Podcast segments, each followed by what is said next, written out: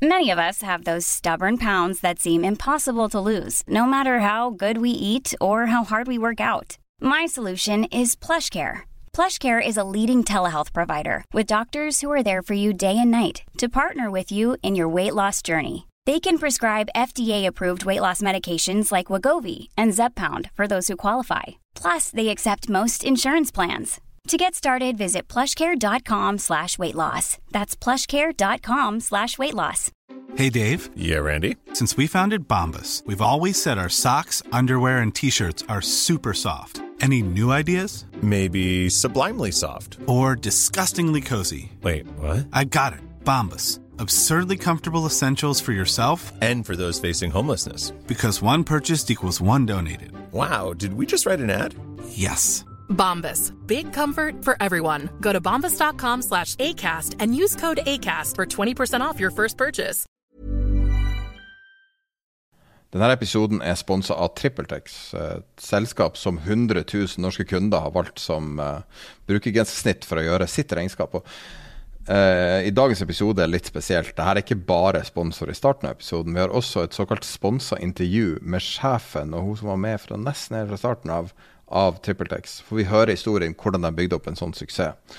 Og jeg uh, nettopp snakka med henne, og det var så inspirerende. Så, og nettopp det at de, de, er både veldig gode på business sjøl, men de, de, forstår virkelig hva folk trenger. De trenger noe som funker på alle plattformer, og det jo, har jo de vært veldig tidlig på.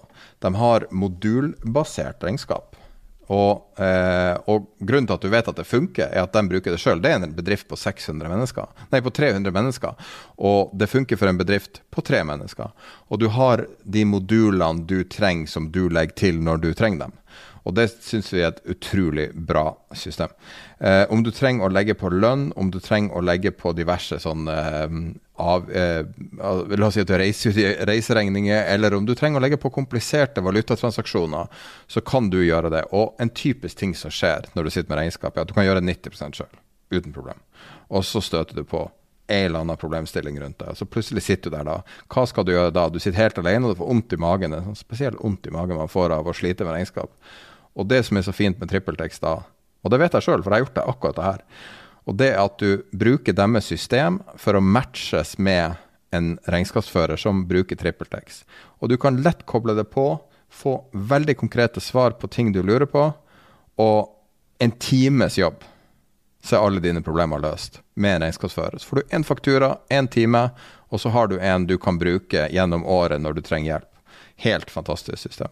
Og du går på trippeltex.no, triplex.no. Jeg er ikke helt sikker på om tid er penger er en kode, men du kan si at du eh, kom fra oss. Og jeg anbefaler på det sterkeste å høre intervjuet. Det var veldig inspirerende. Om ikke noe annet, for å høre hvordan de bygde opp en så stor suksess. Trippeltex.no. I forbindelse med at vi har publisert et nytt intervju på Patron i dag, med Olav Alexander Bu, mannen som står bak den enorme triatlonsuksessen som eh, to norske utøvere har hatt. En ordentlig, ordentlig vitenskapsmann. Eh, anbefales på det sterkeste å høre. I forbindelse med at vi legger det ut i dag på Patron, eh, www.patron.no Nei, patron.com skråstrek tid der penger.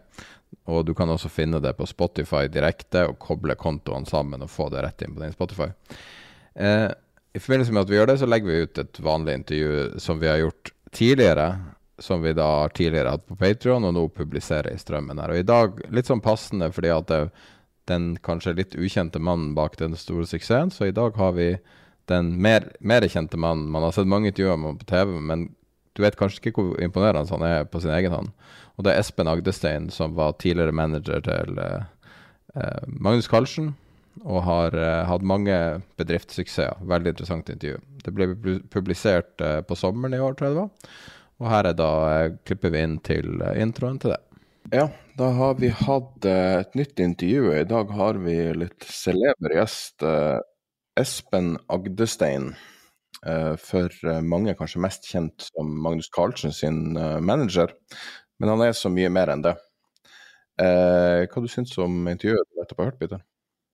Jeg syns det var kjempeinteressant, må jeg si. Og det var, det, for det første så, så, lærer man litt om, om denne prosessen og hvordan Altså både hans vei, da, og, og en del av veien til eh, Magnus Carlsen. Det er jo interessant i seg selv.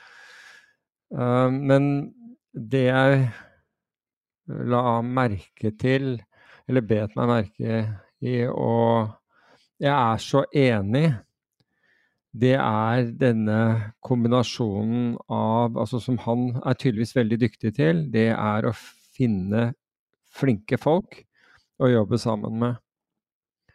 Fordi det er veldig få av oss som, eh, som er så dyktige at vi klarer oss helt på egen hånd til å, gjøre, til å gjøre alt. Og det er, det er, den symbiosen som oppstår når, når man finner folk som har andre ferdigheter og egenskaper enn en ens egne. Hvor kombinasjonen av én og én blir mer enn to. Og jo, jo flere, men, men det, det, blir eh, Tallet blir mer, mer enn en hvis man bare legger sammen antall personer. Og jeg tror det er så utrolig eh, avgjørende.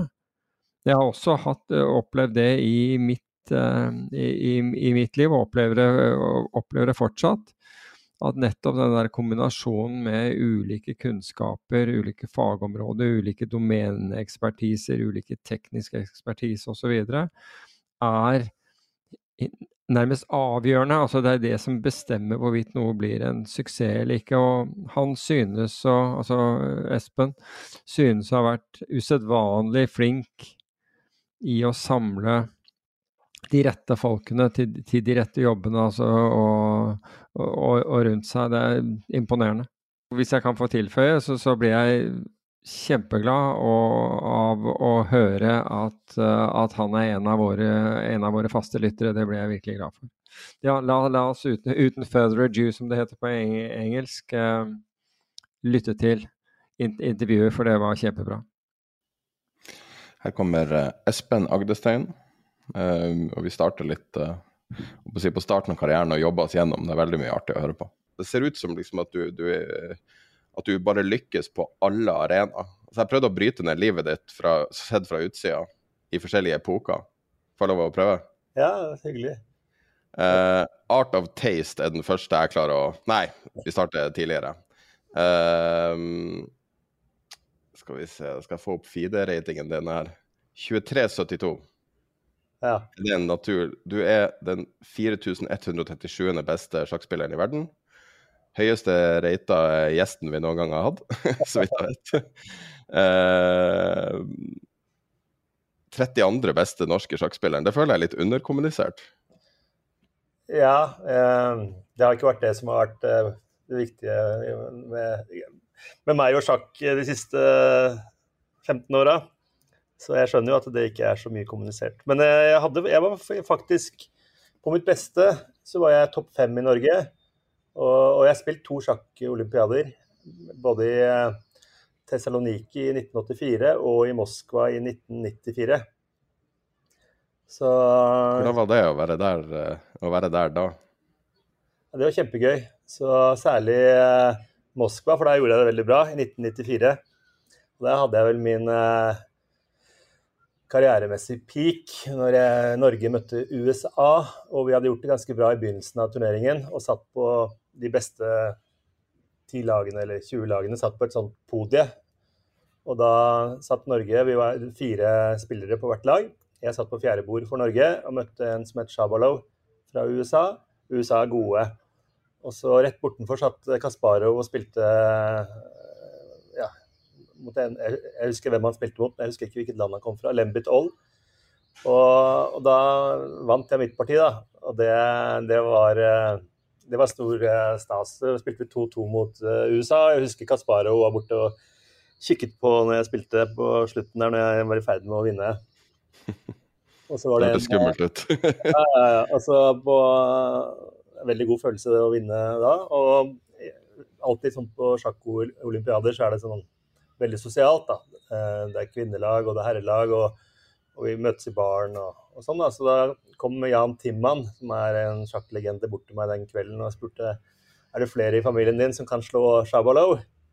Det var litt artig, da. Det er vel kanskje én, vil jeg tro. ja, ja. Hvordan er det når du spiller med broren din? Hvordan er standingen? Vi, spiller, vi, har ikke spilt på kjempelenge, men vi spilte jo når vi vokste opp i Asker, så spilte vi jo absolutt hele tiden. Så jeg kommer jo fra en sjakkfamilie av fire brødre som spilte sjakk, eh, og min far. Og eldstebroren min, han var, kan du si, av brødrene, da, han var da dårligst. Og så kom nest eldste, og så meg, og så Simen. Så Simen var best, største talentet på alle mulige måter. Men det, det hjelper også veldig i sjakk å begynne tidlig. Så han, han eh, vi, eh, vi, begynte samtidig, og da var jo han to år yngre enn meg.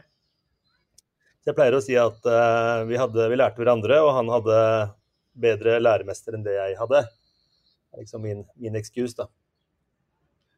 Det, der, der, finner du 200 ratingpoeng, eller litt under 200 ja, ratingpoeng. Ja. Fascinerende. Ja. Uh, men var det faren deres som var, han som, som var pådriver? Ja, han som dro det i gang. Så han var jo habil sjakkspiller, klubbspiller. Han, men han, eh, han, var jo en, en, person som virkelig elsket spillet, da, selv om han ikke var helt toppspiller. Det er interessant det der du sier med at, at, dere var fire brødre som spilte, og faren din. Eh, da var dere jo en liten klubb hjemme og, og fikk øve mye. For jeg har inntrykk av at repetisjon er en av de store faktorene når du skal eh, komme til stormesternivå og, sån, og sånne ting. Um, Eh, men da, du hadde jo ikke internett da. Nå Nei. har du jo internett som en helt magisk redskap for å forbedre deg. Helt magisk, og da var du helt avhengig av å ha et miljø med likesinnede og andre som var like interesserte som deg selv. Så, så, vi hadde jo familien, og så hadde vi i gata fikk vi en sånn sjakkinteresse. Og ja, i Asker sjakklubb i det hele tatt så var det veldig aktivt sjakkmiljø. Så jeg husker eh, når jeg gikk på ungdomsskolen, så mens de andre spilte fotball og sånn, så gikk jeg rundt skolen sammen med en som het Berge Østenstad og diskuterte sjakkvarianter. Så vi var eh, helt, eh, helt, der. Så det var det som sto i hodet på oss. Og, det, og da, når du, når du, har et sånt miljø, så får du jo, og hvor du er så engasjert, så, så blir det jo bra. Da får man jo fremgang og, og får fram eh, gode spillere. Og Simen var også en del av det miljøet. Og så men senere med, med internett da, så har man jo sett at uh, da kan man sitte, sitte, hvor som helst. Man kan sitte i Vietnam og bli supergod, eller Lommedalen. så uten å nødvendigvis ha et sånt sjakkmiljø nært der man bor, da. Så det har jo endret seg.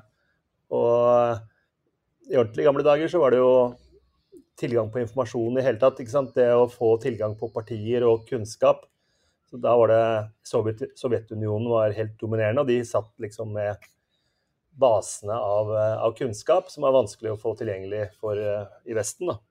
Så med gode trenere og analyser og det hele. Men nå, nå, er alt transparent, og alt er tilgjengelig via internett, og man kan spille hele døgnet. og ja, så det, det er... er det derfor russerne ikke utmerker seg like mye? De, der, de har ikke den databasefordelen de hadde ja, i gamle dager? Det er, todelt. Det ene er at de har ikke den fordelen, og det andre er at eh, etter eller sjakk var en av de pilarene i eh, Sovjetunionen sammen med litteratur, ballett, andre, andre type kulturelle ting som var veldig viktige på den tiden. Eh, matematikk. Eh, mens når, eh, etter at Sovjetunionen falt, når jeg var i sjakk-OL i 1994 i Moskva, så var det akkurat skjedd. Og da da så du professorene satt på gata og solgte Baccara-kassetter. og ja, Det var ikke veldig hyggelig. Så de klarte, det var den supporten som var på en måte til den type aktiviteter, den ble borte. Og så ble det jo sånn ultrakapitalistisk, og kultur ble lite verdt en periode.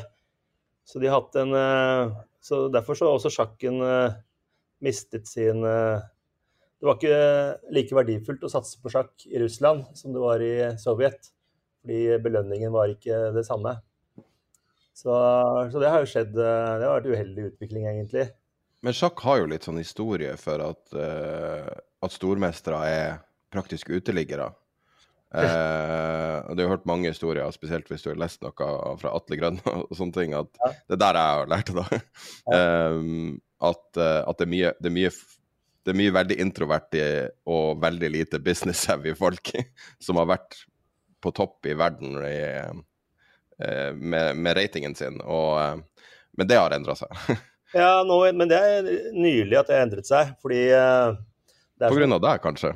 Ja, jeg har vært med på den endringen, det vil jeg si.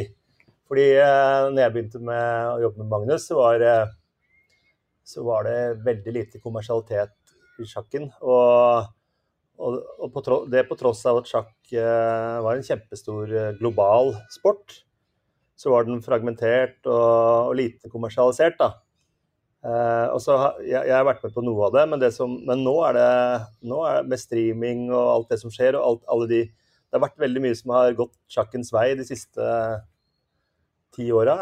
Og særlig nå de siste tre-fire årene med, med med på en måte covid som virkelig satte fart på det. Du har hatt Queens Gambit som har gjort uh, kjempepopulært. Masse kjente mennesker som har uh, spilt sjakk uh, online. Chess.com som har vært helt strålende. Så, så, plattformen har vært til stede hvor man kan spille. Play Magnus, Magnus med alt sitt medietekke og alt det man har gjort i media og med sponsorer og partnere. og og det ene med det andre, så, så har sjakken på en måte ja, det har virkelig liksom fått sin uh, renessanse. Og, og, veldig mye er digitalt. Og det er også Twitch som er veldig viktig. Han, Nakamura er sånn superstreamer. En av de beste sjakkspillerne i verden som sitter åtte timer hver dag og streamer. Og masse folk som ser på. Uh, fremveksten av e-sport har vært bra for sjakken. Du hadde den reklamen med Ronaldo og, og Messi som spilte sjakk på, mm. På den eh, Louis Vuitton, var det det? Ja, Louis Vuitton-veska. Veska, så det er sånne ting da, som har gjort at Jeg har sett analyser. Det, det, er et ordentlig parti. Det er jo veldig lett at de gjør tabben og har et sånn tulleparti. ja, det er faktisk, eh, Partiet er, er et Magnus-parti. Å oh, ja. det husker jeg ikke. jo, jo et parti han har spilt, så jeg husker ikke hvem som var motstanderen. Men det er et uh, faktisk Magnus-parti, så det var litt ekstra morsomt, da. Men før jo... vi snakker om sjakk, jeg har lyst til å snakke om direkte bordbestilling. Ja. Var det der alt starta, eller var det i CompuCard alt starta? Nei, jeg starta Jeg var jo en sånn uh, Mens andre gikk på skole, så solgte jeg ting. Og tjente så mye penger at jeg følte at uh, jeg hadde ikke noen sånn eh, klar retning. Jeg hadde lyst til å bli advokat eller lege eller sivilingeniør. Mine to eldre brødre hadde jo eh, blitt henholdsvis sivilingeniør og, og, og, lege, mens jeg hadde ikke sånn dragning i noen retning, egentlig. Jeg, men jeg var ganske sosial, og jeg hadde venner som solgte ting. Og jeg begynte å lage firmaer sammen med de, og vi solgte alt mulig rart. Og tjente masse penger. Blant annet noe som het Dinner for Two, når vi sto på kjøpesenteret. Jeg organiserte ungdommer som sto og solgte sånne kort hvor man kunne gå på restauranter og spise for to og betale for én. Veldig populært. Solgte masse.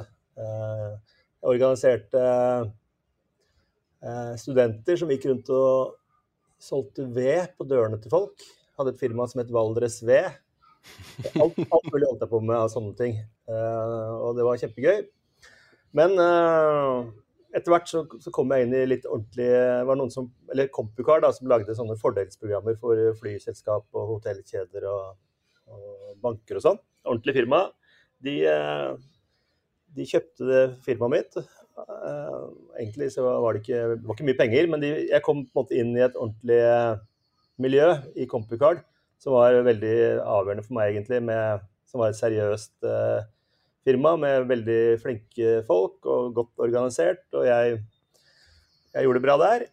Og så gikk jeg til IDG, som ja, som hadde PC World, eh, Compu, Computer World, den type magasiner, som var veldig stort på 90-tallet. Jeg tror vi var 150 ansatte. Og arrangerte også PC World, messer, masse ulike messer. Så jeg begynte å jobbe der. Eh, jeg hadde, den, jeg hadde veldig tidlig veldig interesse for restauranter. Og jeg fikk den interessen for Eller jeg visste at eh, Eller gjennom jobben min i Compicard så hadde jeg laget et sånt system for, for Sparebanken eh, Nord, het det på den gangen. Så, lagde, så, hadde vi et sånt fordelskort som vi lagde i Compicard, hvor, hvor, jeg lagde et system hvor man kunne gå og spise eh, rundt. Og med det kortet så fikk man 20 på restauranter. Så jeg reiste rundt i hele Norge og besøkte restauranter og ble venner med disse restauratørene og kokkene og sånn. Så jeg skjønte hvordan de sleit med bordbestillingen. De ringte folk døgnet rundt, og de var ikke til stede. Og de hadde ikke tid til å ta telefonen. og Det var dårlig opplegg både for de som jobbet der, og for de som ringte og prøvde å bestille. Så jeg så liksom hele tiden at jeg skjønte at her er det noe som kan gjøres bedre. Og så når jeg begynte å jobbe i Compicard, som var et IT-miljø eh, Jeg, jobbet, jeg jobbet, traff jo veldig mange i og med at vi arrangerte Jeg hadde ansvaret for disse eh, messene. Så traff jeg veldig mange IT-kompetente mennesker. Så jeg skjønte at jeg trengte en partner som har teknologikompetanse for å kunne lage et system her. Jeg visste hva direkte bordbestilling skulle være. At det skulle være en bookingsentral for restauranter hvor man kunne ringe ett telefonnummer, booke bord.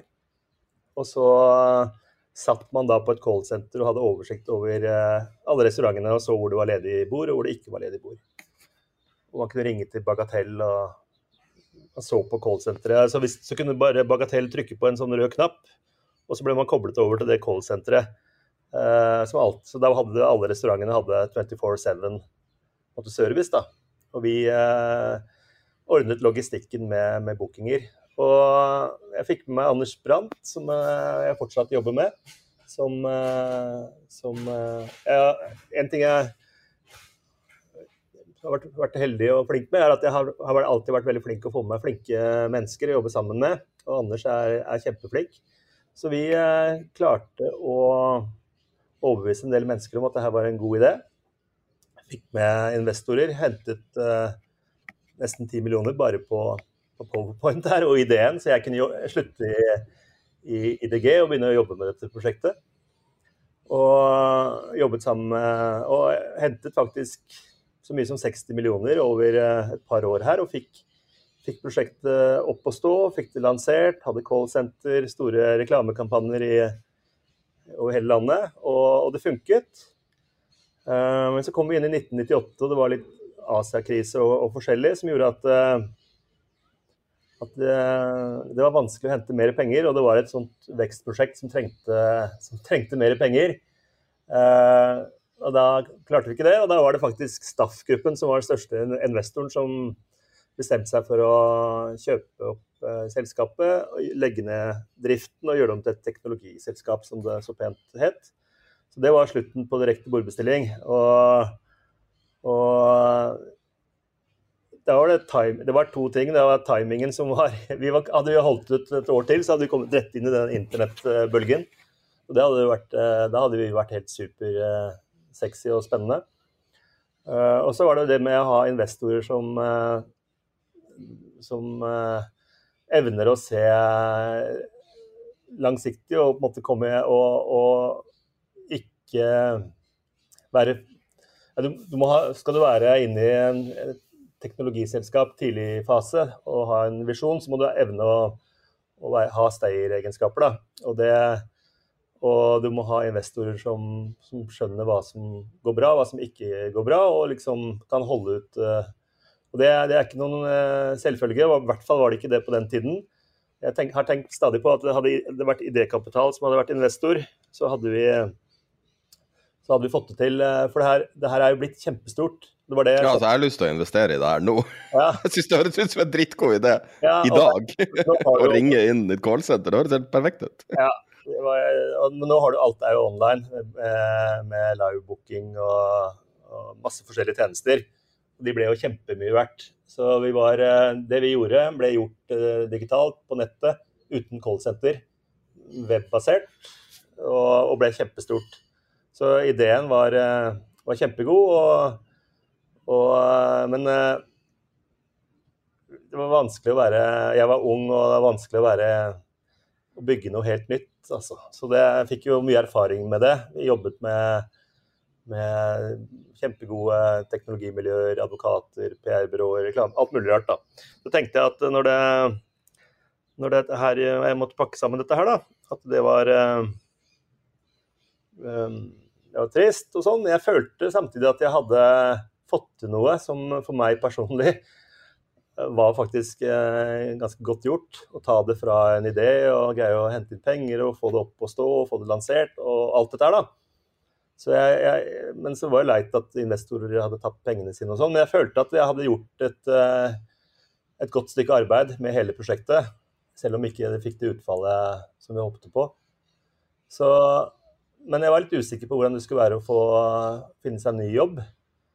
Men heldigvis da, så viste det seg at det var eh, Jeg var mye mer attraktiv etter direkte bordbestilling enn, enn før. Så jeg hadde plutselig mange jobbtilbud å, å, velge mellom. Og akkurat da så var det jo Sol, Scandinavian Online, var skikkelig på hugget. Var den desidert største digitale nettsatsingen i Norge på den tiden.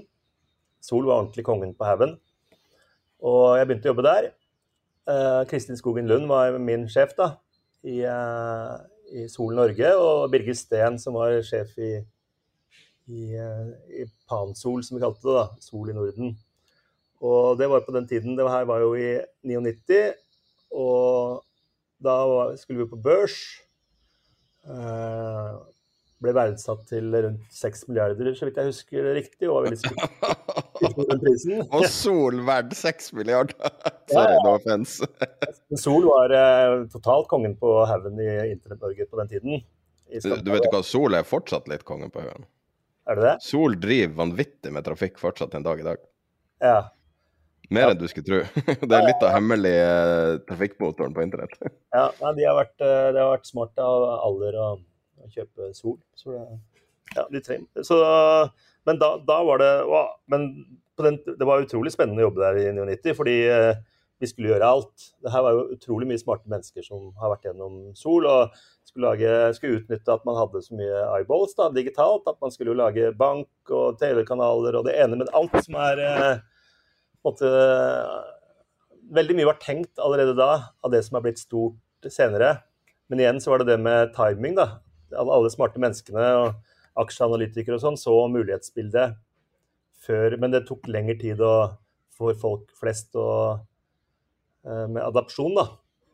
Sånn at eh, det som mange sa, at internett kom til å bli større enn noen hadde forestilt seg, men at det ville ta mye lengre tid enn det folk trodde, det, det, det skjedde sånn forretningsmessig. Så det var en ganske sånn Når sol, solen gikk ned, holdt jeg på å si, det gikk gærent i i to, slutten av 2000. Og de, de nærmeste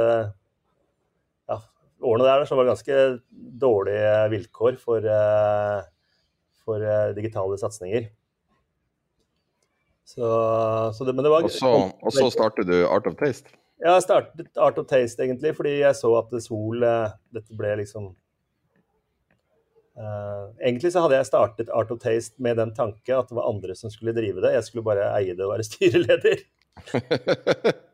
Dette her var i Jeg fikk rekruttert en veldig eh, flink person igjen. Arne Stalheim fra IDG, som var en stor eh, mat- og vinentusiast og en journalist, eh, til å jobbe med, med Art of Taste. Og fikk det inn i en sånn inkubator. Og jeg hadde egentlig Dette var mens jeg jobbet i Sol, og alt så lyst ut. Og da ville man liksom gjøre alle mulige spennende ting. Så da startet jeg det, og så begynte det å bli trått, da. Så skjønte jeg at uh, det var ikke så spennende i Sol lenger. og skulle, det var, Art of Taste var, ble veldig flott med Arnie og sånn, som lagde, gjorde det veldig bra. Men, men, det måtte en kommersiell kraft til inn i selskapet hvis det skulle komme noen vei. da. Så, så da tenkte jeg at uh, jeg får jo begynne med dette her, da. og, så, og så jobbet jeg med det fra 2001 til 2005. Og det var det gikk, vi fikk det bra til. Og det var egentlig ganske sånn flott å gjøre det etter .com, fordi eh, da måtte man bygge sten på sten. Vi hadde ikke anledning til å ansette mange mennesker, sette i gang masse ulike prosjekter. Vi måtte tenke kommersielt fra dag én. Eh, vi fikk inn, en, vi fikk inn investorer der òg. Vi hadde med Jeg husker en del av gamle IT-folk eh, som Bernhard Steen, eh, eh, Jan Skøyen, Per Boasson, Une Amundsen. Hadde, hadde sånn 15-20 sånne privatpersoner som, som investorer. da. Så vi hadde fått inn til å kunne bygge på en måte infrastrukturen til Art of Taste. Eh, men etterpå det så jeg tenkte at jeg hadde jo vært erfaring med, med direkte bordbestilling og gjøre stadige emisjoner. Jeg, men jeg hadde Per Boasson i styret. Som han er, var gründer av, han er død nå, men han er gründer av PC-systemer. Og kjent for å være utrolig eh, påpasselig med penger, for å si det mildt. Jeg nevnte at eh, jeg tror vi kanskje må gjøre en ny emisjon og hente inn litt mer penger. Så sier han at eh, Espen, jeg kjenner deg så godt, du er så god selger. Så hvis du istedenfor hver dag etter klokken tre eh, selger for 10 000 til i annonser eh, Bare etter klokken tre, når du liksom tror, tenker at du er ferdig med arbeidsdagen, så bare sørger du for å selge for 10 000 til. Hvis du gjør det, så kommer vi ikke til å trenge noen emisjon. Og jeg vet du kommer til å klare det. Så da Bra, bra råd, altså. Da, da, da, da, ble det sånn, da. Å karre oss gjennom dette her. Og, og vi, med, vi, begynte å arrangere vinkurs for eh, næringsliv, og vi fant på forskjellige ting da, hvor vi kunne tjene penger på, i tillegg til eh, partnere og annonsører og sånn. Så, så, dette her ble, ble, ganske bra, egentlig. Vi ble ledende norske nettsteder for eh, oppskrifter og mat- og vintips og, og, den slags. Og så kom Hjemme Mortensen på banen i 2005 og ville kjøpe oss. Og da gikk det egentlig ganske bra. Vi hadde gode overskudd og omsetningen gikk oppover og sånn, men vi skjønte jo at det var egentlig bare lurt å, å, selge. fordi hvis ikke vi gjør det, så kom disse avisredaksjonene til å stokke beina selv etter hvert og lage sine egne ting. Og, og distribusjonen er så avgjørende at uh, vi ville ja, få problemer, da. Så, så, vi solgte til Hjemmet Mortensen. Vi fikk vel en sånn nesten 20 millioner kroner, tror jeg. Det var ganske bra, det, på den tida. For et lite mat- og drikkenettsted. Så, så Men du har bare et sånn mønster her. Du lager noe du, du jobber med et eller annet du liker, ja. og så har du tydeligvis evner som mange ikke har. Og, og så har du exit inn i et stort konsern og klarer å, å ta gevinst. Det er imponerende å, å høre på. Jo, takk. Jeg kanskje prater i vei litt mye her nå, men det blir litt... Nei, jeg syns det, det, er akkurat det, fordi at det her er så inspirerende. fordi at Man kan selvfølgelig snakke om liksom, de aller største suksessene med en gang, men, men, det er jo det her som er grunnlaget. Det er jo det her du har lært lærepengene som har gjort de store tingene mulig, vil jeg si da, fra utsida. Ja. ja, altså kom inn i Hjemme Mortensen, da, så var det jo med en sånn earnout-avtale. Man får et sånn upfront-beløp, og så tre år earnout. Og vi kalte det for burnout-avtale, fordi det er, det er, bare Jo mer du jobber, jo mer greier du å tjene i løpet av de tre årene resultatbasert på hva du får betalt egentlig for selskapet. Men heldigvis da, så, så ville de ha meg som eh, som eh, Mortensen holdt på å bygge opp et uh, digitalt miljø. Det var veldig viktig for de på den tiden. Brukte mye energi på det. Og, og han som hadde stått som kjøpte oss, som måtte ledet den prosessen, Per Håkon Fasting, han gikk tilbake til Skipsted. Han jobber der fortsatt fortsatt en god Eller jeg kjenner han godt nå, blitt en god venn. Eh, men når han sluttet, så trengte de en ny leder for den digitale satsingen i Hjemmet Mortensen. Og da, da, endte eh, til slutt valget på meg. Og det, det betød at, eh, at de måtte gjøre om den de kjøpte ut den avtalen, da. Så jeg holdt bare på med den earnouten et halvt år ca. Før, før jeg fikk et ansvar for for den digitale satsingen i Hjem Mortensen. Jeg hadde en over meg, da, Rolf Hanke Olsen.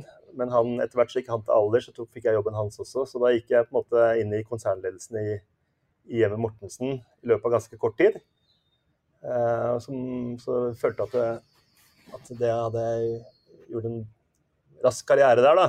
Og Det som var det store prosjektet mitt i Mortensen, det var å samle på en måte alle de ulike internettsatsingene til uh, alle bladene, alle, alle, Det var masse miljøer med ulike satsinger, og alle hadde egne ambisjoner.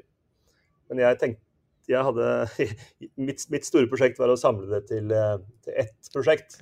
Klikk.no. ja, det det. Og uh, jeg kan si at jeg satt på andre sida av det der, for det var min første jobb etter universitetet, eller andre jobb etter universitetet, var i uh, hjemme-PC. Så jeg husker det ja. veldig godt. ja, du jobbet der, ja. Var, ja. jeg hadde sånn liten jobb der uh, en kort periode. ja, altså, men å jobbe å samle liksom 70 brands, alle går i samme retning og sånn, det er ikke lett i, det, et sånt mediehus. Så det var, eh, det var en krevende tid. Eh, så kom 2000 og Vi, vi fikk jo klikk opp og stå, og det var, hadde backing fra, fra administrerende og styre. og Det var den største investeringen Hjem Mortensen har gjort noen gang, tror jeg. Sånn, så det var kjempesatsing, fordi ja, det var, Alternativet var å kjøpe du kan, du, kan, du kan, ikke ha mange ulike små nettsteder uten å ha noe som du var inne på med Sol, noe som driver trafikk. da, Og hvor konkurrenter hadde VG kunne lansere hva som helst, og det ble stort med en gang. Fordi de, hadde, de kunne bare legge det på forsiden sin. Så Hjem Mortensen hadde ikke noe tilsvarende. da. Aldergruppen de kjøpte jo Dagbladet etter hvert, som var sikkert kjempelurt. Men eh, Hjem Mortensen valgte å bygge selv, da. Prøve å bygge en organisk og utvikle en trafikkmaskin med klikk.no. Men det var, det var, spennende og interessant og mye arbeid. Eh, men i 2008 så kom jo da finanskrisen, og det var ganske slitsomt å sitte i, i eh, ledergruppen i Hjemmet Mortensen da. Eh, store kuttpakker. Det var liksom mye som ikke var det jeg var vant til å jobbe med, jeg likte å jobbe med. da. Så jeg skjønner at det er viktige ting, men var, jeg følte meg ganske grå i ansiktet. Og det var da jeg fikk en telefon fra, fra faren til Magnus, Henrik Karlsen. Eh, fordi han eh, Magnus hadde lyst til å begynne å trene med Kasparov. Og, og det var veldig dyrt. Han lurte på om jeg hadde noen uh, tanker på hvordan det kunne finansieres. Og grunnen til at han ringte meg, var fordi at jeg hadde hjulpet til litt tidligere. 2003 Nei, unnskyld. Ja, 2003, ja, riktig. Så så reiste han med familien rundt i Europa. Og da hjalp jeg han å få Microsoft som sponsor. Birger Steen var sjef i Norge da. Så de, de, de var med og betalte for den reisen rundt i Europa for Magnus og familien. Og også i 2005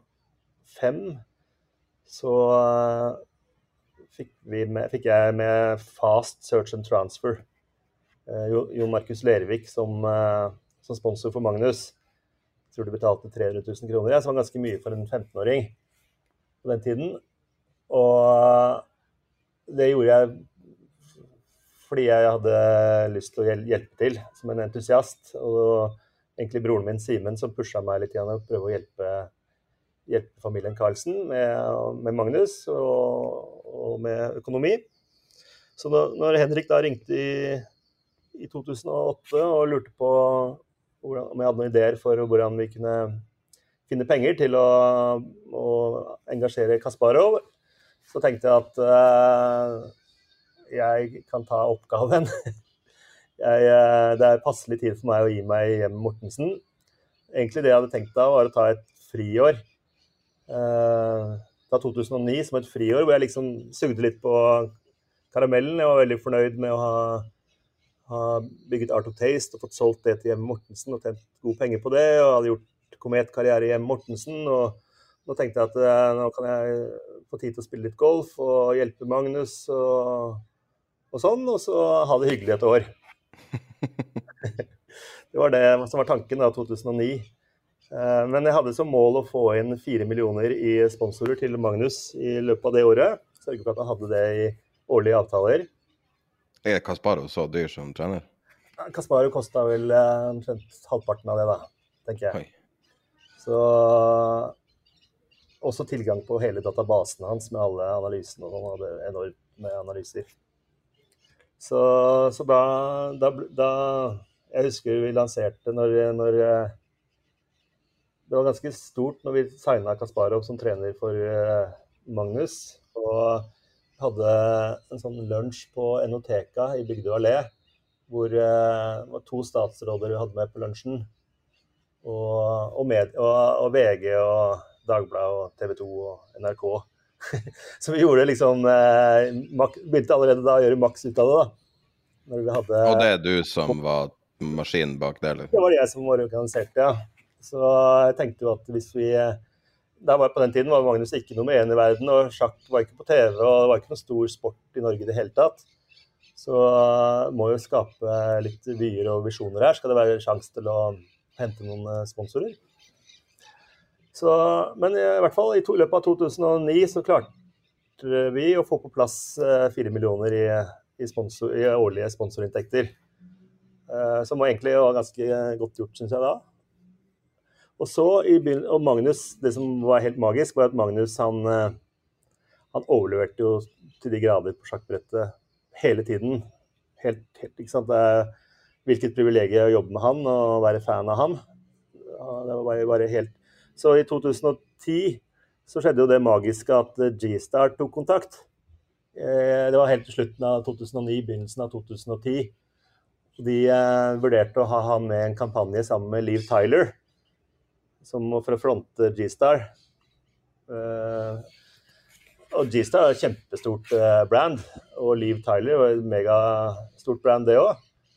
Så, så, i hvert fall så endte det med at vi signa avtale med G-Star i begynnelsen av 2010. Og jeg husker i februar 2010 satt vi på flyet til Miami og skulle gjøre shooting med, med Liv Tyler en uke for G-Star. Og da, derfra, så det, da, derfra så er det på en måte historie. Da har det gått uh, i, i ett hele veien og utrolig mye spennende på alle mulige områder. Og mer travelt enn noen gang. Så, men det startet ja, med G-Star der, så, så var det som en rakett som på en måte tok av, da. Det er helt utrolig fascinerende. At, at, og, det mest fascinerende kanskje er at du hadde lagt grunnlaget som gjorde at de tok kontakt med dere? Ja, det var litt, Jeg vet ikke om jeg kan ta på meg hele den æren der. Det var litt tilfeldig, egentlig. De så han spille i Nederland, og så hadde de en sånn uh, filosofi uh, om De var ute etter sånne unexpected combinations i markedsføringen sin. Så hva kunne være mer unexpected enn uh, liksom, glamourmodellen Liv Tyler og den unge sjakkspilleren fra Norge? Var det vanskelig å få han til å være enig med? Ja, det var vanskelig å få han Det var vanskelig å På den tiden så, så var Magnus veldig i tvil om han ville gjøre sånne ting. Men uh, akkurat det med G-Star, det, det, Heldigvis så sa han ja til det. Jeg husker på flyet ned til uh, Miami. Så hadde jeg fått en henvendelse fra The New Yorker, magasinet, svært magasin i USA som ville lage en uh, tisiders reportasje på Magnus. Uh, svær, svær reportasje. Og jeg spurte Magnus om han ville være med på det. Jeg syntes det var greit. Nei, det ville han ikke. Nei. Så det endte opp at i hvert fall så mellomlandet vi i London. Jeg kjøpte The New Yorker, magasinet. Så jeg jeg leste på det på flyet. Og så spør Magnus meg hva er det du leser på. Jeg leser på New Yorker. Og så, så kikka han litt på det, og så spurte jeg han vet du hvor mye en sånn, eh, hva tror du en sånn reklameside det var, Alle disse dyre brandsene hadde jo reklamer der. Hvor mye tror du en sånn side koster? Uh, nei, så gjetta han, da. Så ble vi enige om at det, er fryktelig dyrt. da. Og jeg hadde vel et tall, jeg husker ikke helt hva det var. Og så spurte jeg han om hva tror du ti siders redaksjonell omtale ville koste? Hvis de skulle betale for det? Nei, går det an å kjøpe det, da, sier han. Nei, nei, de, de gjør jo ikke det. Men, men, har ikke det mer verdi enn en sånn annonse? Jo. Ja, så endte det med at uh, han ville være med og likevel, da. Sa ja til det intervjuet med, med New Yorker. Forsto, forsto verdien av det, da. Så da lagde vi Det var vår første eh, annonsestrategi, da. Eller at han Mediestrategi. At han vi takket ja til intervjuer med medier der hvor annonsene var veldig dyre. Det var liksom den første strategien vi hadde. Så, det, så da kom vi til eh, Så var, da ble det jo New Yorker og sånn, da. Og 60 Minutes og Ja, det bare rullet på med medier fra, fra hele verden. Og det toppet seg egentlig eh, i den perioden i 2013, eh, det året han skulle spille VM-match i Chennai. Før, før den VM-matchen så tror jeg det virket som at alle redaktørene i, medier i alle verdens land holdt jeg på å si, kom på at de skulle lage en reportasje på Magnus. Så da, da var det, da var det all, ja, fra, henvendelser fra absolutt overalt. Men det som vi hele, hele tiden var veldig heldigvis nøye med, da, det var jo ikke eller holde struktur på dette her. Så hadde jo, jeg hadde liksom møte med Magnus kanskje hver tredje uke, og da gikk vi gjennom eh, de relevante henvendelsene. Jeg hadde på en måte silt bort kanskje 90% og så ble vi enige om hva, hva han skulle være med på, og så ble vi enige om å ha hadde vi kanskje en mediedag der hvor vi gjorde alt på én dag. Og så hadde vi en sånn mediedag kanskje hver tredje uke eller noe sånt. Sånn at ikke det ikke Ingenting som var sånn ad hoc og, og, og Han fikk liksom uh, uh, Det var orden på det, da, så han kunne fokusere på, på sjakk og de tingene han gjorde, uten at det her ble en sånn belastning som var der hele tiden. Så var det mer at det var liksom en strukturert da, en dag her og der. Så det tror jeg var, eh, var bra, da. Så Altså vant han, så kom NRK, og det var jo Plutselig ble det TV-sport, og det var eh, Ja, det, var, liksom det ene etter det andre hele veien. Var du involvert i uh, Jeg vet ikke om var, var det VGTV eller NRK som var først? Begge to samtidig. Med Chennai-VM så var det både VGTV og NRK sammen. Så jeg, jeg hadde jo masse med de å gjøre på den tiden. Eh, og var ivret også for at de skulle vise det. Og jeg hadde jobbet mye med VG spesielt. da. Også NRK. Vi har hatt med ja, VG-reportere overalt på ting vi gjorde. Passet på når han var med G-Star at eh, VG eksplisitt fikk være med. Ja, vi holdt på med sånn hele tiden. Uh, men, men det, som, uh, det som var jo helt fantastisk, det var jo hvilken uh, ja, at NRK og VG investerte så mye i å produsere så bra da, som det de gjorde i, i Chennai. Og, og, da se den vanvittige responsen de fikk på det. Og jeg tror VG-TV Jeg tror fortsatt måte, seerrekorden deres er, er, fra den tiden der, med, med Magnus Itchenai. Så helt vanvittig respons. Så det, siden har det jo vært eh, NRK har jo vist alle VM-partiene og VM i lyn og hurtig hver jul er jo blitt en tradisjon for mange mennesker. Så det er jo Hvem var det som fant på det formatet til NRK?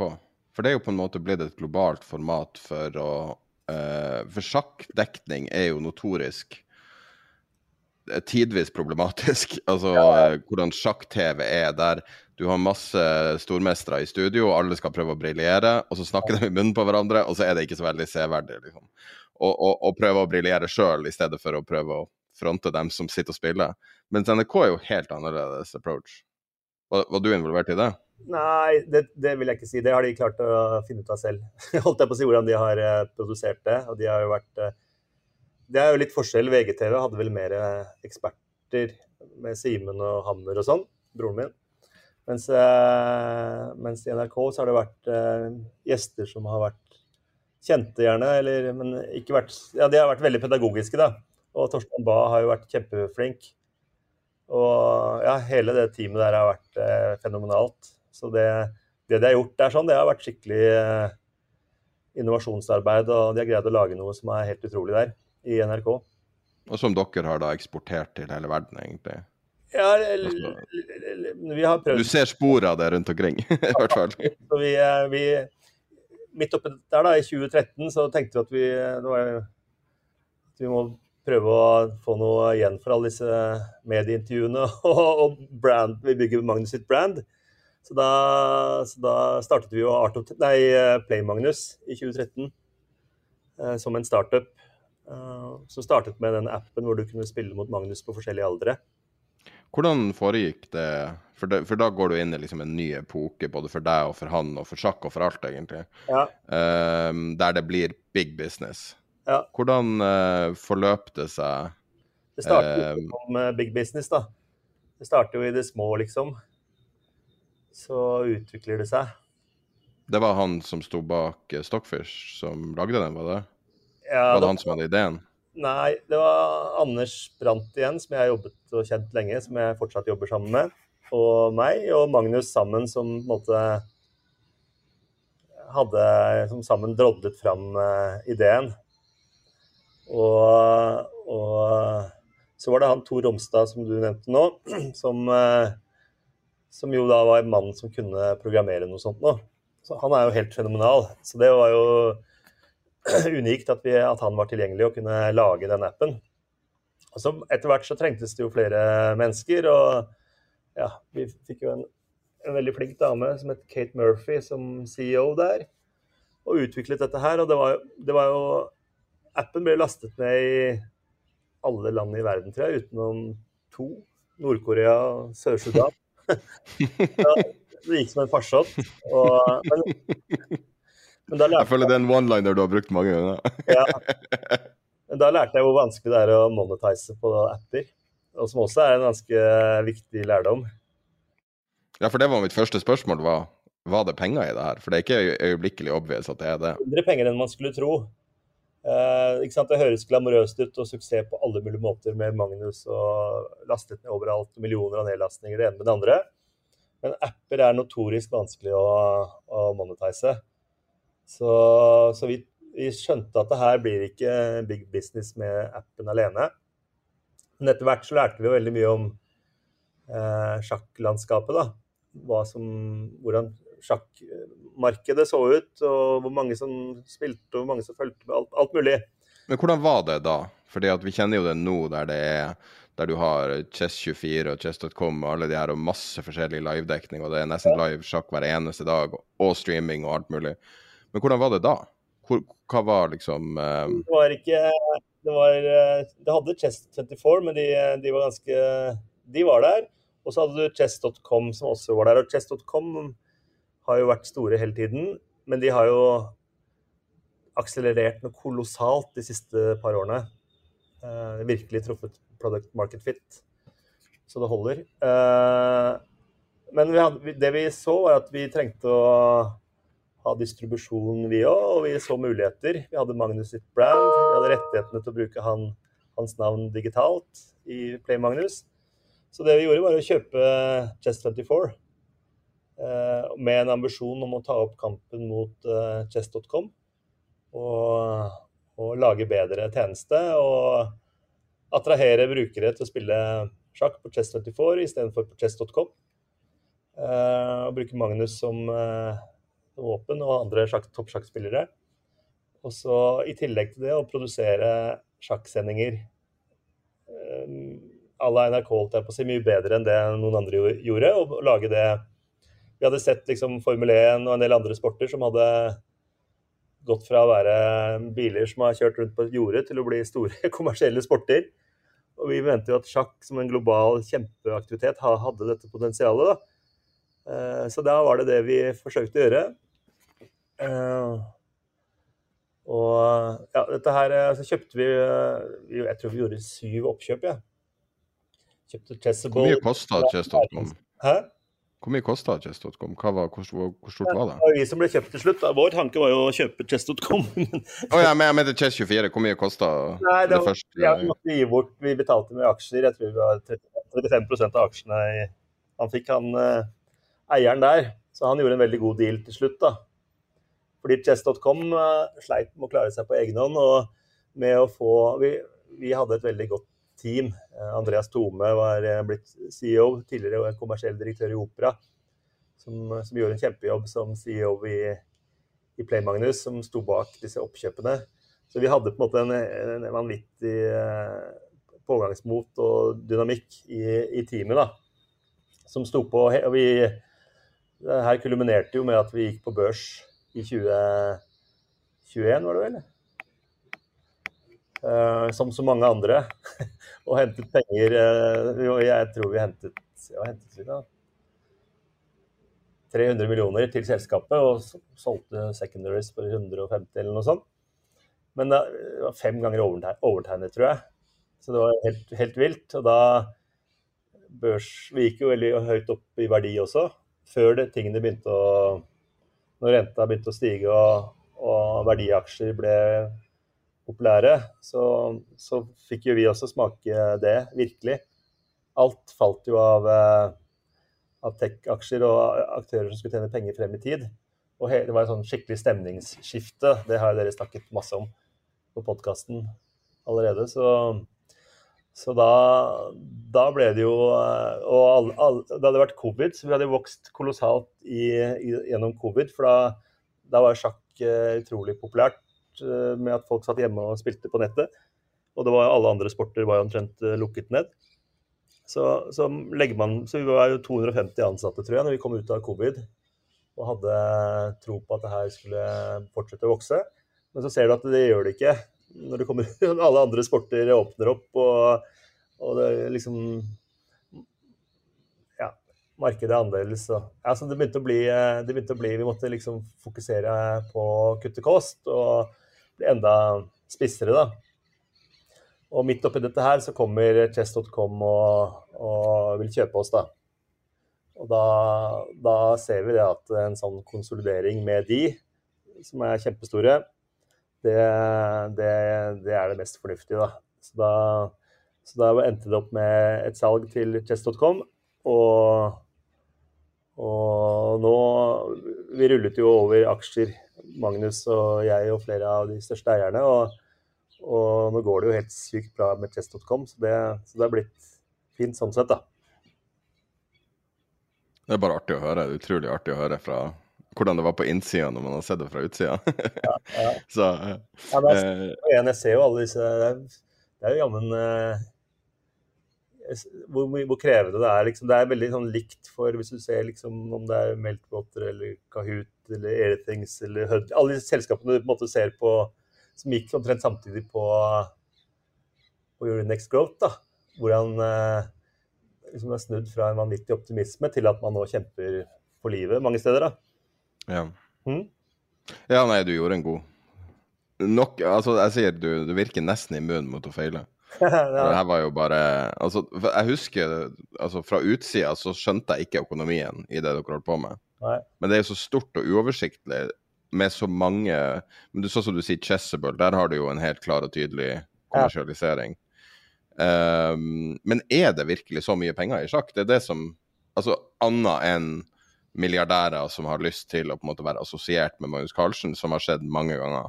Ja, Chess.com er jo den som winner, Det er sånn the winner takes it all. Og nå er det Chess.com som tar alle, alt. Og da og de, de, eh, ble jo kåret nå av Time Magazine som et av de 100 mest innflytelsesrike firmaene i verden. Eh, jeg tror det er rundt den 100 største, 100. største nettsiden i, i, verden. Og de har eh, flere hundre tusen nye brukere registrert hver dag. Det er vanvittig svært. Så, og tjener masse penger. Så, hvor, hvor, viktig har sånne personer som XQC vært?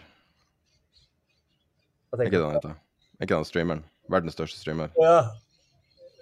ja, det vet jeg ikke. For han spiller en god del sjakk. Jeg tenker på at det, det ble mainstream å ja. spille sjakk.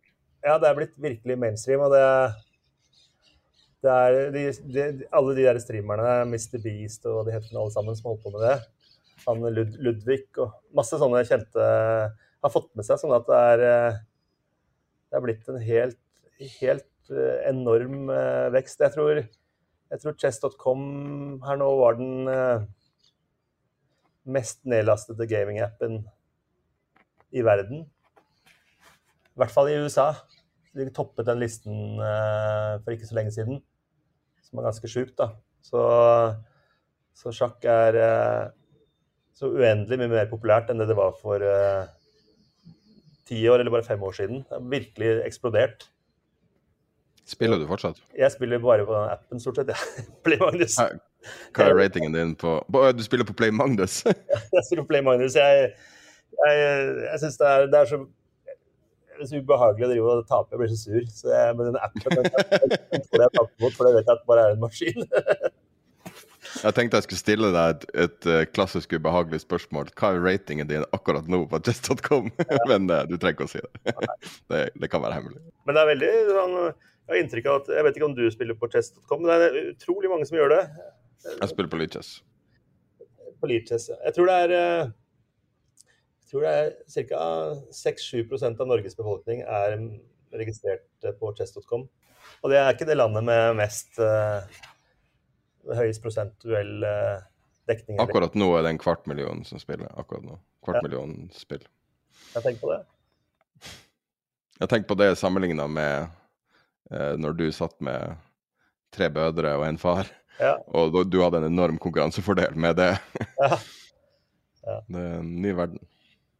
Men det er jo ganske vakkert. altså Mye av verden har jo gått til mer og mer forsøpling. Altså uh, type Ex on the beach og sånne type. Altså, altså, verden går jo mot søppel, på en måte. Ja. Men sjakk er jo en sånn universell kvalitetsting. Jeg kan si, jeg kan si en, en, jeg satt og, når jeg våkna i morges, at jeg lurte på hvordan, jeg skulle, hvordan vi skulle snakke. Jeg visste at jeg kunne bare la deg snakke, for du har sånn fascinerende historie. Men um, en ting som jeg tenker på med denne podkasten, det er jo litt artig at du hører på. Mm. Uh, fordi at når vi lagde den opprinnelig, så brukte jeg å tenke på min sjakkspillende svoger som en sånn slags sånn uh, avatar for en, en, typisk lytter man har lyst til å ikke på en måte irritere. Ja. Uh, og det tenkte jeg Det var bare sånn intuitivt at jeg tenkte at en seriøs person ikke sitter og tuller med liksom Ikke lag noe bullshit, liksom. For sånne personer liker ikke bullshit. Men det er akkurat som deg, så det at du hører på, gir meg litt sånn sceneskrekk, faktisk. Fordi at du, du, er en seriøs person, og det er liksom sjakken er det er en sånn tyngde og en seriøsitet, og det er jo veldig positivt for verden. Ja, ja det, det, tror jeg også, at sjakk er veldig gode assosiasjoner. Som, uh, det er veldig det, det, kommer ikke til å bli borte heller. Det har vært der i uh, all tid. Og, og mens mange av disse andre spillene sånn, som er veldig sånn døgnfluer, da, så vet du at sjakk det kommer til å være der. Og, og du vet at det er utrolig positivt for uh, barn å spille sjakk. Alle foreldre liker å se de betaler gjerne for at barna skal være medlem i en sjakklubb eller spille sjakk på nettet. Der, der tror jeg betalingsvilligheten er høy blant foreldre. Eh, og nå er det jo uh, Ja. Så det er lære deg å konsentrere deg og, og uh. Men så føler du jo litt negative ting med at man blir så mainstream. Og nå er jo heldigvis den rettssaken blitt uh, kasta. Um, men den Altså, man, for å virkelig forstå hvor stor sjakk er blitt, så er det jo uh, det dramatikken rundt uh, Hans Niemann og Magnus Carlsen. Um, og de anklagene og, og de internettvitsene som kom ut av det, ja. viser jo hvor svært det er blitt. Ja. Uh, var det traumatisk, eller var det bare det er, eh, det er ubehagelig. Nå, nå, faren til Magnus og, Magnus og Chess.com-teamet som har jobbet med det mest tror jeg. Men uh, det er klart det er ikke noe hyggelig. Og så Altså, Vi trenger ikke å snakke om det hvis du ikke vil. Nei, det, er negativt. Det det er, jeg tror ikke Jeg tror Magnus har følt seg på trygg grunn. Men allikevel så må du uh, bruke mye penger på amerikanske advokater. Og det er dyrt, da. Så, så det er litt sånn ubekvemt å måtte holde på med det. Uansett uh, om man føler det er urimelig. Men det er jo liksom sånn det er, og, when you make it, så er det sånne ting du må deale med. ja, ja. Så, um, og så kommer da den nye epoken i, i, din karriere, der du nok en gang eh, slår en home run med idékapital. Ja, det har, eh, det har vært fantastisk uh, gøy. Utrolig bra for uh, Utrolig gøy å få være med på. Og igjen, da uh, Min største prestasjon med det er at jeg jobber, har jobbet, fått være med å jobbe sammen med veldig flinke mennesker. Så vi var jo fire stykker som startet i 2017. Igjen Anders Brandt, da, som jeg har hatt kontakt med veldig lenge. Og, og Christian Øfsthus, som nå er managing partner, og som er en ordentlig superstar. Han kommer fra Arkwright, hadde vært der i tolv år, tror jeg.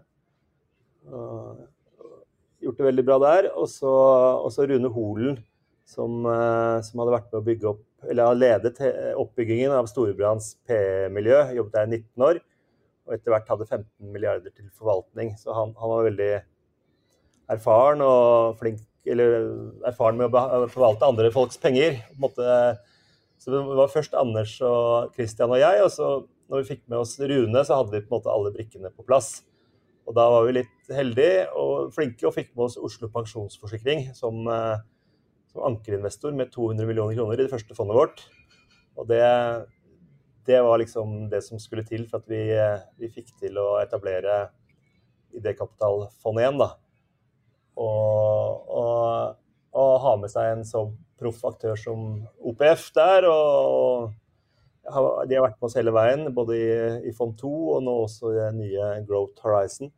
Så, så ja, det har blitt veldig, veldig bra. Det har vært eh, et eventyr å være med på. Og utrolig fin måte å få være med og måte, også jobbe med de skarpeste hodene, holdt jeg på å si, unge innovative gründere i Norge, da, som jobber med, med software. og vi, jobber, er, vi investerer i, i, software i hovedsak, og teknologi, og B2B innenfor B2B-segmentet, da. Som er der vi fokuserer. Og ikke helt den tidlige fasen, eh, men vi investerer når, gjerne når det er liksom Man har produkt som fungerer, man har kunder som man kan snakke med, og de har en omsetning gjerne på type 10 millioner i recurring revenues. Og man er klare for å gå internasjonalt. Det er da vi, det er, da vi er der. Vi ønsker å hjelpe til med med, med, internasjonalisering og skalere virksomhetene. Både med penger og, og med, med, kompetanse. Så dette her har vi jo gjort uh, mye nå. og Har investert i mange firmaer og har lært mye på tvers av alle firmaene. Og er på en måte veldig spissete på go to market-kompetanse. Uh, og, føler at vi har mye å bidra med der. da. Så, så det er blitt vår, vår forse. og og det tror jeg har vært veldig viktig for eh, økosystemet, innovasjonsøkonomien innenfor teknologi her i Norge. Da. Så har det vært tidlig, tidligere har det vært sånn at det har vært ganske greit å finne de aller tidligste pengene fra ulike startup labs og Innovasjon Norge og litt forskjellige løsninger. Men etter hvert som man har begynt å, å få det til og trenger å få eh, ønsker å skalere, så har det ikke vært eh, samme støtteapparat. Det har vært veldig få fond i Norge sammenlignet med, med andre land, så da har man gjerne ikke som gründere måttet gå utenlands. da. Mens nå så kommer vi først uh, idékapital, og nå er det flere andre aktører i samme segment der. Så nå, nå er vi i Norge blitt my veldig mye sterkere innenfor det, den delen av uh, innovasjonsøkonomien. da. Du har investert i uh, noen spennende selskaper. Veldig sånn det her er akkurat det man liker å se med sånne typer fond. At det er ikke mye, det er ikke mye bullshit her. Det her er ekte business og ekte eh, klare forretningsmodeller. Kanskje mest spennende på, uh, for meg, da, er Wheel.me. Ja. Er, det en, uh, er det så bra som det ser ut som? Ja, det er jo det, er jo det selskapet, det mest potente selskapet vi har investert i. fordi at der har vi en lang kø av eh, store internasjonale brands eh, som ønsker å kjøpe produktet. Eh, den kommersielle siden er på en måte helt åpenbar. Mens det er, dette er jo selvkjørende, selvstyrende hjul som man fester på ulike objekter. Sånn at man kan Istedenfor å lage en full robot, så er på en måte roboten i, i hjulene. Så kan man på fabrikkgulv organisere og, og, og, manøvrere alle mulige objekter bare ved, gjennom hjulene. Uh, så, så, her har vi liksom uh, Kommersielle er på en måte åpenbart, og så har det vært det å og alle mulige godkjennelser og få hjulene helt ferdigstilte som har, uh, som har vært utfordringen. Og der, det, er, det, tar lang tid, og det er, det er, det er kronglete. Men nå vi har såpass mye Vi har vært med der helt fra starten og har såpass mye innsidekompetanse her at vi er ganske trygge på at det kommer til å løse seg. Og at vi er i starten av et måte, norsk industrieventyr, er vel det, det vi tror, da. Så, så Wheelme er en av de mest spennende investeringene vi har. Og så har vi også Ardoc, som er blitt en veldig god investering i fond igjen. som, eh, som eh, ja, vi tror blir en fund returner, og vel så det. Der er jo nå EQT og, og One Pick Partners ble jo med i den siste runden, hvor de hentet uh, rundt en milliard kroner. Så Enterprise Software. Så Men det er, det er som, som, du sier, at når du investerer i B2B-software, så er det det er på en måte solide saker. Det er, det er ikke er litt annerledes. Eh, det er ikke så binært som, eh, som B2C. Eh, her har du på en måte Du selger til næringslivet, og du får Du, du, får, du på en måte bygger sten på sten. Får du, en kunde, du får du en kunde, så vet du at du kan få en kunde til. Og så hele tiden profesjonaliserer du prosessene med å, med å, med å, å selge dette her på en effektiv måte. Da, hvis du har et produkt som, som det er etterspørsel etter. og det, det, er, det er det er, det er jo det vi ser etter. Produkter og tjenester som måtte, kan gjøre at det effektiviserer virks, virksomheter og prosesser. da, Som gjør ting rimeligere, mer effektivt. Teknologi er løsningen, og det er jo veldig mye som skal digitaliseres i verden framover. Og, og altså det er liksom det er ikke, Software is eating the world, det er jo kjent saying.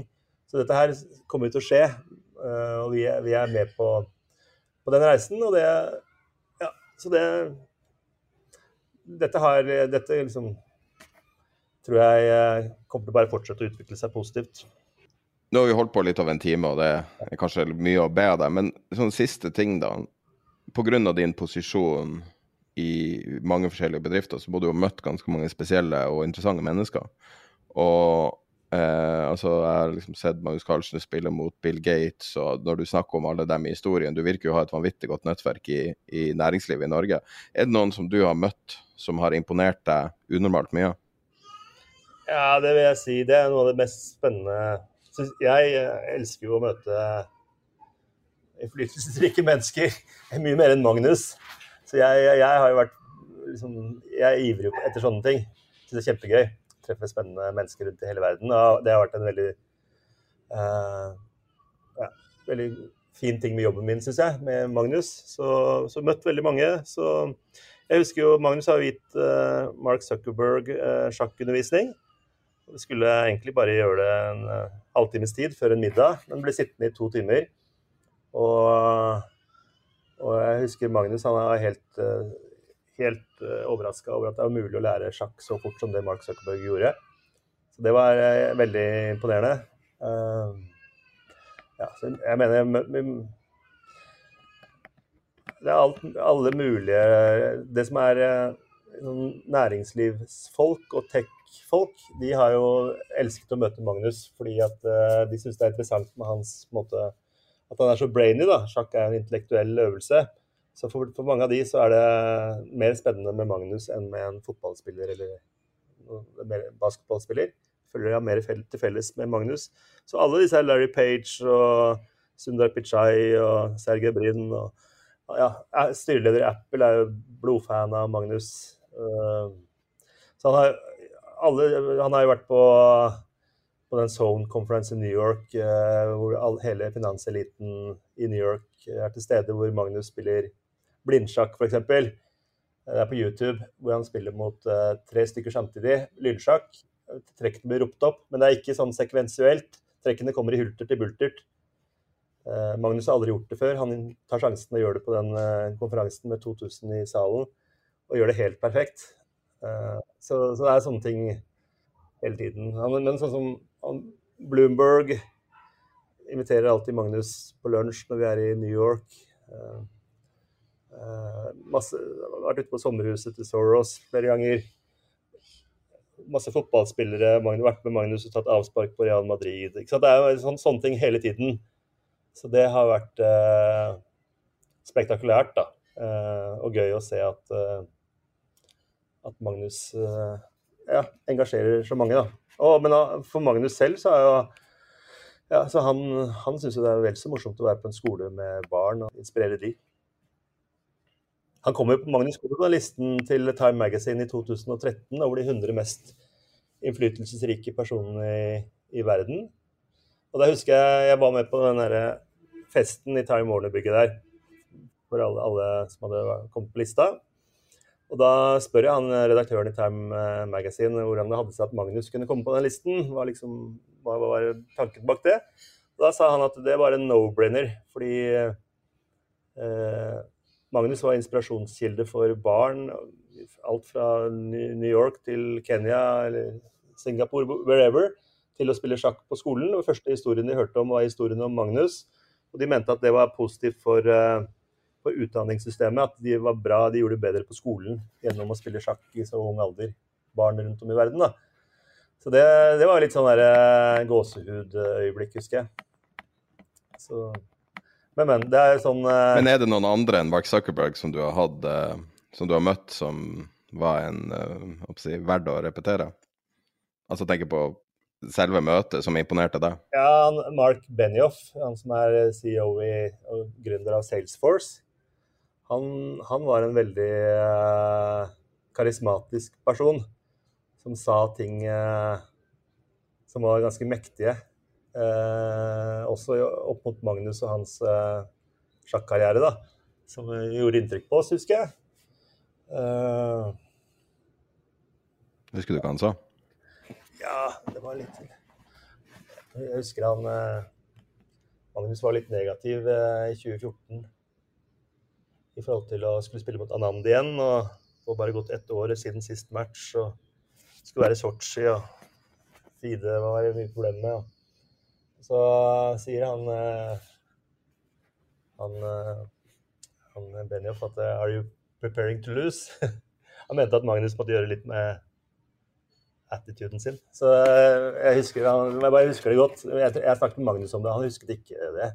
Men jeg følte at det, at det gjorde i hvert fall inntrykk på meg. da, og Magnus hadde jo en veldig god attitude når han startet den matchen og, og vant den greit i Sotsji, men det var jo risiko for at han Det var mange ting som gjorde at det, det var fort gjort å ikke være like på hugget da, som, som man burde være. Så det er, det er mange det er, det er, utrolig liksom, Vi begynner å gå gjennom uh, hvert år med Magnus og alt som har skjedd, og alle vi har møtt og sånn. Så er det liksom never ending story.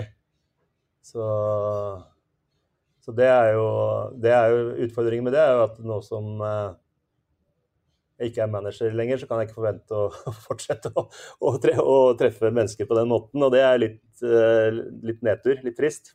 Fordi eh, det har vært veldig privilegiet å, å, være med Magnus rundt på, på, alt det som han har, har vært med på. da. Men får du ikke litt det den nye jobben? Altså du får møte veldig, men kanskje litt tidligere. altså Du får møte store talenter litt tidligere i karrieren sin. Ja, det er jo helt annerledes. Men det, det, er fortsatt spennende mennesker. Absolutt. Det, så det, er bare på en annen måte. Og jeg jobber fortsatt også med Magnus litt, med, å, med, å, med flere ting. Men også jeg, jeg, holder kontakt med en del av hans måte, nettverk, internasjonalt businessnettverk, fortsatt på vegne av han. da. Så jeg har fortsatt litt uh, kontakt den veien. Skal jeg gi deg et tips for å opprettholde litt den delen av, uh, av livet ditt. Ja. Eh, lag en podkast. ja, og invitere gjester. Og så invitere de folkene for å snakke. Og så kan du bare du kan bruke, hvis du, hvis du, må bruke hans navn for å få dem tilbake igjen, så, så gjør det. Ja. Uh, for da får du snakke med folk du ser opp til, sånn som jeg gjør nå. Ja, ja det er en god idé. Det er jo blitt veldig populært. Det er veldig artig. Jeg må si at uh, både jeg og Peter syntes det var veldig artig og når jeg fikk svar på meldinga om at du hørte på, faktisk. Ja, ja, ja. Så, uh, jeg, satt, jeg, satt, og lurte på om han kom til å nevne Magnus når han begynte å snakke om at uh, han snakket om Boas Weinstein.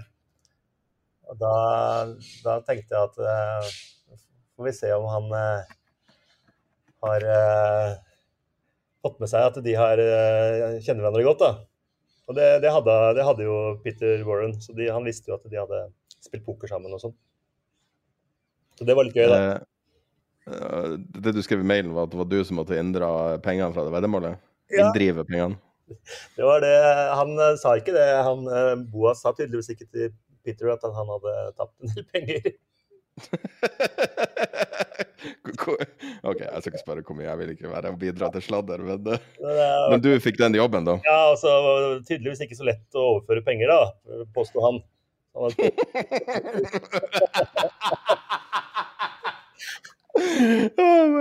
men, det... Nei, det er vanskelig hvis du er Boas Weinstein, det skarpeste finanshodet i verden, liksom. Ja. ja. ja, ja. Jeg har faktisk en avtale, så jeg begynner å bli litt stresset på tid. Å oh, ja, unnskyld. Unnskyld. Nei, det var bare så utrolig artig å snakke med deg, så um... Flink til å få folk til å snakke.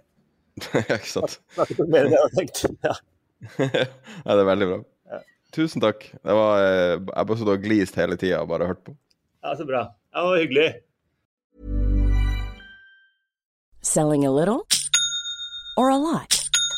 Shopify helps you do your thing however you cha-ching. Shopify is the global commerce platform that helps you sell at every stage of your business. From the launch your online shop stage to the first real life store stage, all the way to the did we just hit a million orders stage.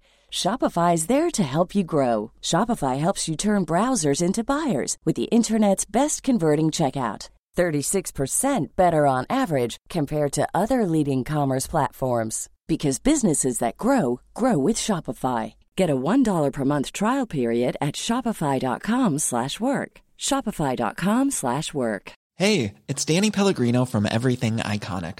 Ready to upgrade your style game without blowing your budget? Check out Quince. They've got all the good stuff, shirts and polos, activewear and fine leather goods, all at 50 to 80% less than other high-end brands. And the best part? They're all about safe, ethical and responsible manufacturing. Get that luxury vibe without the luxury price tag.